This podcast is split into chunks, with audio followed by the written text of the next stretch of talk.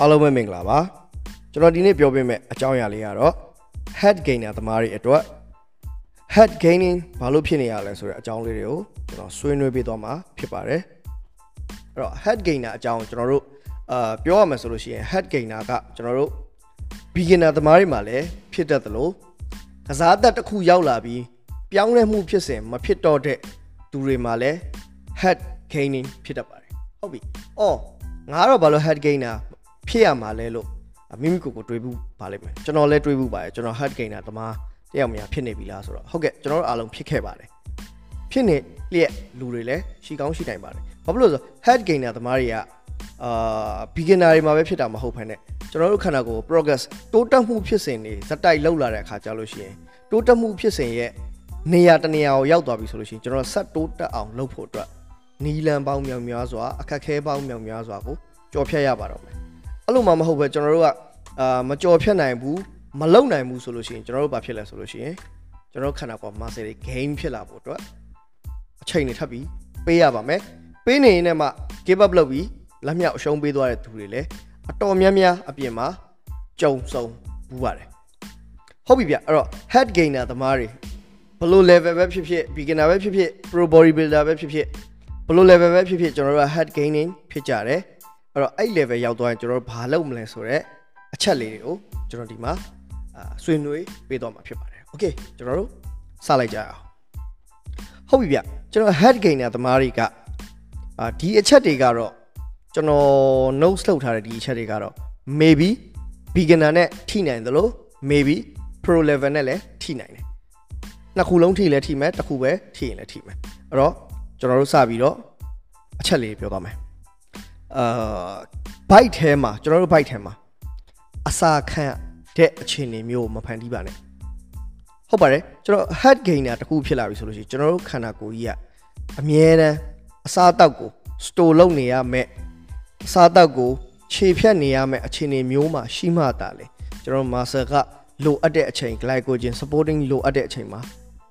ယူပြီးတော့သုံးဆွဲနိုင်မှာဖြစ်ပါတယ်အဲ့လိုမှမဟုတ်ပဲကျွန်တော်တို့ဘိုင်ဟောင်းလောင်းကြီးနဲ့တနေကုန်နေမယ် အဲသို့မဟုတ်ဘိုင်ဟောင်းလောင်းကြီးနဲ့အချိန်တိုင်းတာတစ်ခုထိနေမယ်ဆိုလို့ရှိရင်ကျွန်တော်တို့က muscle gain ဖြစ်လာဖို့အတော်အသင့်ခက်ခဲမှာအမှန်ပါပဲနောက်တစ်ချက်ကကျွန်တော်တို့ muscle gain ဖြစ်ဖို့အတွက်ထင်ကြထင်ကြတာကအစားအသောက်ကောင်းတဲ့အစားအစာတွေကျွန်တော်စားလိုက်မယ်ကောင်းတယ်ဆိုတော့ကျွန်တော်ပတ်စံနဲ့အများကြီးပေးပြီးစားရတဲ့အစားအစာဥပမာကျွန်တော်တို့ hot pot တို့အကင်တို့အာပြီးတော့လို့ရှိရင်အကင်ကတော့ထားပါတော့ အာဒါပေမဲ့ healthy ဖြစ်လွန်လာရတော့လဲကျွန်တော်တတ်မှတ်လို့မရဘူး hot pot တို့အကင်တို့ JO တို့ဒါလို something ပေါ့အဲ့လိုမျိုးဈေးကြီးပေးတဲ့အစားအစာတွေကျွန်တော် calorie အများကြီးပါတဲ့အစားအစာတွေကျွန်တော်တို့ကစားလိုက်မယ်ဆိုလို့ရှိရင်ကျွန်တော် gaining phase မှာရက်တက်နေပါအောင်မယ်အဲ့တော့ daddy bug ဘလောက်ပဲလောက်တော့ညားလဲကျွန်တော်တို့ခန္ဓာကိုယ်ကြီးကကြီးလာမှာမဟုတ်ပါဘူးဝလာမှာပဲဖြစ်ပါတယ် okay အဲ့တော့နောက်တစ်ချက်ကကျွန်တော်တို့ကောင်းမွန်တဲ့ protein source ကိုကျွန်တော်တို့သုံးစွဲရပါလိမ့်မယ်ကောင်းမွန်တဲ့ protein source ဆိုတာဘာတွေလဲဆိုလို့ရှိရင်အ သားရတယ်ငါးရတယ်နိုးထွက်ပစ္စည်းရရတယ် protein source တွေ protein powder တွေရရတယ် protein source တွေကိုကျွန်တော်တို့သုံးစွဲရပါလိမ့်မယ်ဒါမှသာလေကျွန်တော်တို့ muscle gain ဖြစ်စေဖို့အတွက် amino acid တွေအများအများသွေးထဲမှာလဲပတ်ပြီး muscle ကျွန်တော်ဟိုတနေ့ကရှင်းပြသွားတယ် muscle cell တွေကထုတ်ယူသုံးစွဲဖို့ energy တခုအမြဲတမ်း backup ရှိနေမှာဖြစ်တဲ့အတွက် gaining phase မှာအရန်ရေးကြည့်ပါတယ်နားမလဲ ပြန်ရစ်ပြီးနားထောင်ကြည့်ပေးပါ Okay နောက်တစ်ချက်ကကျွန်တော်တို့ probiotic တွေသုံးဆွဲရပါမယ် probiotic နဲ့ပတ်သက်ပြီးကျွန်တော်ထွေထူးထူးမပြောတော့ဘူး healthy ဖြစ်တဲ့အစားအစာတွေဥပမာ probiotic နဲ့ပတ်သက်တဲ့ healthy ဖြစ်တဲ့အစားအစာတွေထုံးဆွဲပေးပါပြီးရင်နောက်တစ်ခုကဘာလဲဆိုလို့ရှိရင် multi vitamin နဲ့ပတ်သက်တဲ့အစားအသောက်တွေရွေးချယ်စားတောက်ပေးပါဒီနေရာမှာ probiotic ကဘာတွေလဲကျွန်တော်ထိုင်ရွပြဘယ်ဟာ multi vitamin ထိုင်ရွပြ protein ကဘာတွေလဲထိုင်ရွပြနေရင်ကျွန်တော်အတန်ဖိုင်က တော်တော်လေးရှည်သွားပါလိမ့်မယ်အဲ့တော့ကျွန်တော်ဒီမှာပဲ get out လုပ်လိုက်ပါမယ်နောက်တစ်ခုကကျတော့ကျွန်တော်တို့မေ့နေတဲ့အရာကြီးတစ်ခုရှိပါတယ်အဲ့ဒါဘာလဲဆိုလို့ရှိရင် vitamin D ပါ yes vitamin D ကကျွန်တော်တို့ခန္ဓာကိုယ်အတွက်ကိုအများကြီးအကျိုးကျေးဇူးရှိပါတယ်ဗီတာမင် D ကိုကျွန်တော်တို့ကနေ့စဉ်ပုံမှန်သာရခဲ့မယ်ဆိုရင်တန်မှန်လှုပ်သားတစ်ယောက်အတွက်တောင် လုံလောက်တဲ့ပမာဏ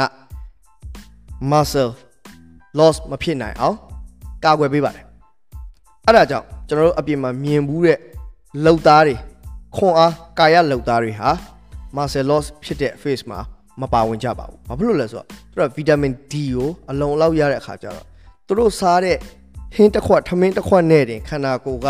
metabolic stage တစ်ခုကိုခေါ်ဆောင်သွားပြီးပြီးတော့ muscle loss မဖြစ်အောင်ထိမ့်မိထားပါတယ်အဲအကြောင်းကျွန်တော်တို့သူတို့မြင်လိုက်သူတို့ခန္ဓာကိုယ်ပေါ်မှာကြွက်သားအပြိုင်ပြိုင်နဲ့ကြီးကောင်းနေကြတာဖြစ်ပါတယ် that is vitamin D ပါလုံးဝမမေ့ပါနဲ့ နောက်တစ်ချက်ကတော့ကျွန်တော် sleep quality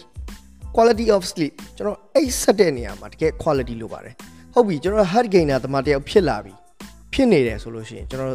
sleep sleep ကအရင်အရေးကြီးလာပါပြီကျွန်တော်ညဘက် Facebook သုံးတာ game တွေဆော့တာ social media တွေပေါ်မှာပျော်မွှေ့တာတွေကိုအများကြီး short ချရပါတော့မယ်အဲ့ဒီတော့ကျွန်တော်တို့ quality of sleep ကိုအရေးကြီးကြီးခေါင်းနဲ့ထားပေးပါနောက်တစ်ခုက stress yes stress ကအရင်ရေးကြည့်ပါတယ် stress ထဲမှာမှ cortisol ဆိုတဲ့ hormone ကကျွန်တော်တို့အဖြတ်သဘောတွေကိုပေါ်ဆောင်ပေးစေပါတယ်ကျွန်တော်ထိုင်နေရင်နဲ့ကျွန်တော်အာဆိုကြပါစို့ဗျာစိတ်ညစ်စရာတစ်ခုခုကိုကျွန်တော်တွေးမိလိုက်မယ်ဖြစ်ပေါ်လာမယ်ဆိုလို့ရှိရင်အဲ့ hormone ကပျော်ပျော်ရွှင်ရွှင်ထွက်လာပြီးတော့ကျွန်တော်အဖြတ်သဘောတွေပဲပြုလုပ်ပေးတော့မယ်အဲ့ဒီချိန်မှာနောက်တစ်ဖက်မှာကျွန်တော်တို့ရဲ့ကြားဟော်မုန်းကိုလည်း cortisol ဟော်မုန်းက အတော်အသင့်ရောကြအောင်ပြုလုပ်ပေးလိုက်တဲ့အတွက်ကျွန်တော် muscle gaining phase မှာကြားဟော်မုန်းမရှိဘဲနဲ့ဘလို့မှကောင်းမွန်လာမယ့် muscle တွေရရှိလာမှာမဟုတ်ပါဘူးအဲ့တော့အတက်နိုင်ဆုံး cortisol level ကိုအတက်နိုင်ဆုံးအနည်းဆုံးဖြစ်အောင်ကျွန်တော်ထားပါမယ်ဒါဆိုဘာလုပ်ရမလဲဆိုလို့ရှိရင် stress release ဖြစ်စေတဲ့အရာတွေကျွန်တော်လုပ်ရပါမယ်ဒါတွေကဘာတွေလဲဆိုလို့ရှိရင် stress release ဖြစ်စေတဲ့အကြောင်းအရာကိုနောက်ပိုင်းကျွန်တော် stress stress နဲ့ပတ်သက်တဲ့ podcast တွေမှာဆွေးနွေးပေးသွားပါမယ်ဒီနေ့တော့ဒီလောက်ပဲ stress release ဘယ်လိုလုပ်မလဲဆိုတဲ့ဟာကိုကိုယ့်အကိုစူးစမ်းပြီးရှာဖွေပြီးတော့စမ်းသပ်လုပ်ထားကြပါနောက် podcast တွေမှာပါလာပါမယ် okay ကျွန်တော်တို့မေ့နေတာက isolation exercise တွေကို base ထားပြီးကျွန်တော်တို့ကဆောကြတယ်ဆိုကြပါစို့ကျွန်တော်လက်မောင်း bicep curl hamstring curl leg extension ပြီးရင် tricep cable press overhead press ဒါတွေကိုကျွန်တော်အရန်ကြိုက်ကြတယ် အရန်ကြိုက်တယ်ကျွန်တော်အပါဝင်ပါပဲကျွန်တော်လက်မောင်းအရှိဆွဲရမှာအရန်ကြိုက်တယ်လက်မောင်းအနောက်ဆော့ရမှာအရန်ကြိုက်တယ်ကျွန်တော်ခြေသလုံးဆော့ရမှာအရန်ကြိုက်တယ်ကျွန်တော် leg extension လုပ်ရမှာအရန်ကြိုက်တယ်ဒါလိုပဲအရန်ကြိုက်တဲ့ခေါင်းစဉ်တွေအများကြီးရှိနေတယ်လေနောက်ကျွန်တော်သတိမပြုတာ compound movement တွေကိုတေးသေးချာချာဆော့ဖို့သတိမပြုမိတာပါအခုနောက်ပိုင်းကျွန်တော်ရဲ့ program မှာဆိုလို့ရှိရင် compound movement တွေကို base ထားပြီးမတ်အရန်ဆိုလိုချင်တာ base ထားပြီး share train ပါတယ် အဲ့ဒါကြောင့်လဲတော်တော်များများ client တွေရဲ့ progress တွေကပိုကောင်းလာပါတယ်အဲ့တော့မိတ်ဆွေတို့လည်းဒီ focus ကိုနားထောင်နေနဲ့ compound movement တွေကိုမမေ့ဘူးသတိပေးလိုက်ပါတယ်ပြီးရင်ကျွန်တော်နောက်ထပ်ရှိသေးတာကကျွန်တော် compound movement ပြီးသွားတာ ਨੇ ကျွန်တော်ခန္ဓာကိုယ်လောင်လောက်တော့တာတော့မဟုတ်ပါဘူးအဲ့တော့ကျွန်တော် whole body workout ကျွန်တော်ခေါင်းစာခြေဆုံး muscle တစ်ခုမကြံ train ဖို့လည်းအရေးကြီးပါသေးတယ်ဒါမှလည်း metabolic level ကတိတိကျကျတက်လာပြီးတော့ကျွန်တော်တို့ hormone level ကလည်းမြင့်လာမှာပါ အဲ့ဒါမှကျွန်တော်တို့အမှစ gain back ကိုဖော်ဆောင်မှာပါမဟုတ်ဘဲနဲ့နေတိုင်း gym သွား chest ပဲတွန်းအောက်ပိုင်းနေရှောင်းလမောင်းပဲဆော့ဆိုရင်တော့တစ်တလုံးကျွန်တော်တို့ကပြောင်းလဲတဲ့ခန္ဓာကိုယ်တစ်ခုကိုပိုင်ဆိုင်ရမှာမဟုတ်ပါဘူးပြီးနောက်တစ်ခုပြောရမယ်ဒါကတော့အာကျွန်တော်ရေးထားတဲ့ notes ထဲမှာမပါဘူးကျွန်တော်ညှက်ပြီးခေါင်းထဲပေါ်လာလို့ထည့်ပြောလိုက် overthink မလုပ်ပါနဲ့ overthink မလုပ်ပါနဲ့ဆိုတော့ဂျင်ုံသွားပြီးတော့မတရားမနိုင်တဲ့အလေးတွေမနိုင်တဲ့လုပ်တွေမနိုင်တဲ့ industry တွေမနိုင်တဲ့အ ချိန်တွေပေးပြီးတော့မစော့ပါနဲ့မလုပ်ပါနဲ့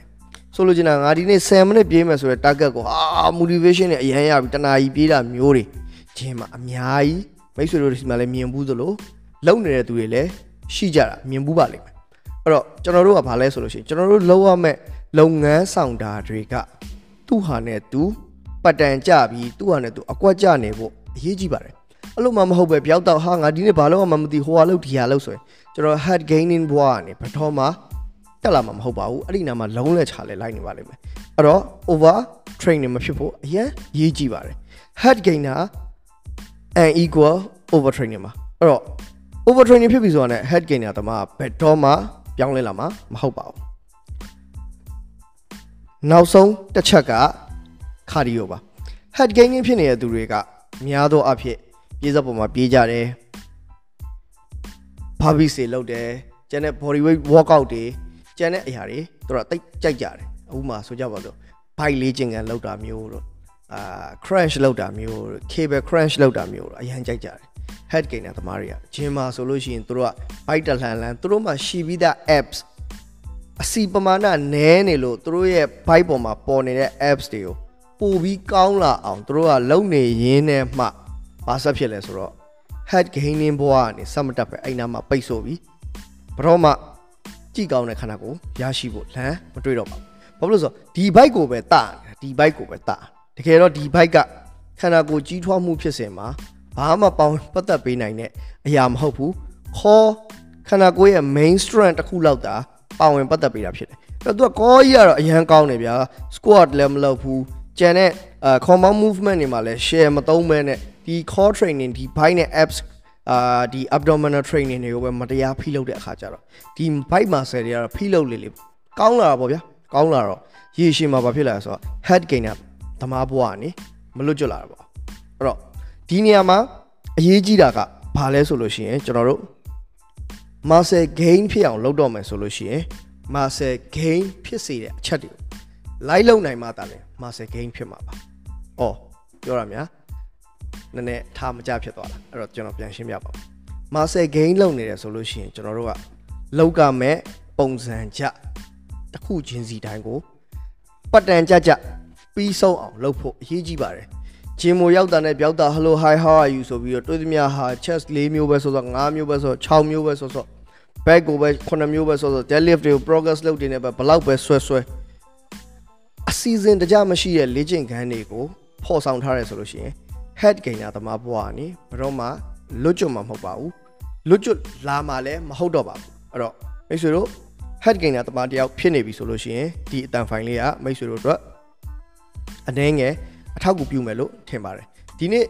အာအတန်ဖိုင်လေးကနည်းနည်းပေါ့ပေါ့ပါဆန်ပါတယ်ကျွန်တော်တိတ်အာ notes တွေမထုတ်ဖြစ်တဲ့အပေါ်မှာကျွန်တော်ပေါ့ပေါ့ပါပါလေးပဲလုပ်ပေးလိုက်ပါတယ်နောက်လာမယ့်အတန်ဖိုင်တွေမှာတော့အာတည်တည်ချာချာ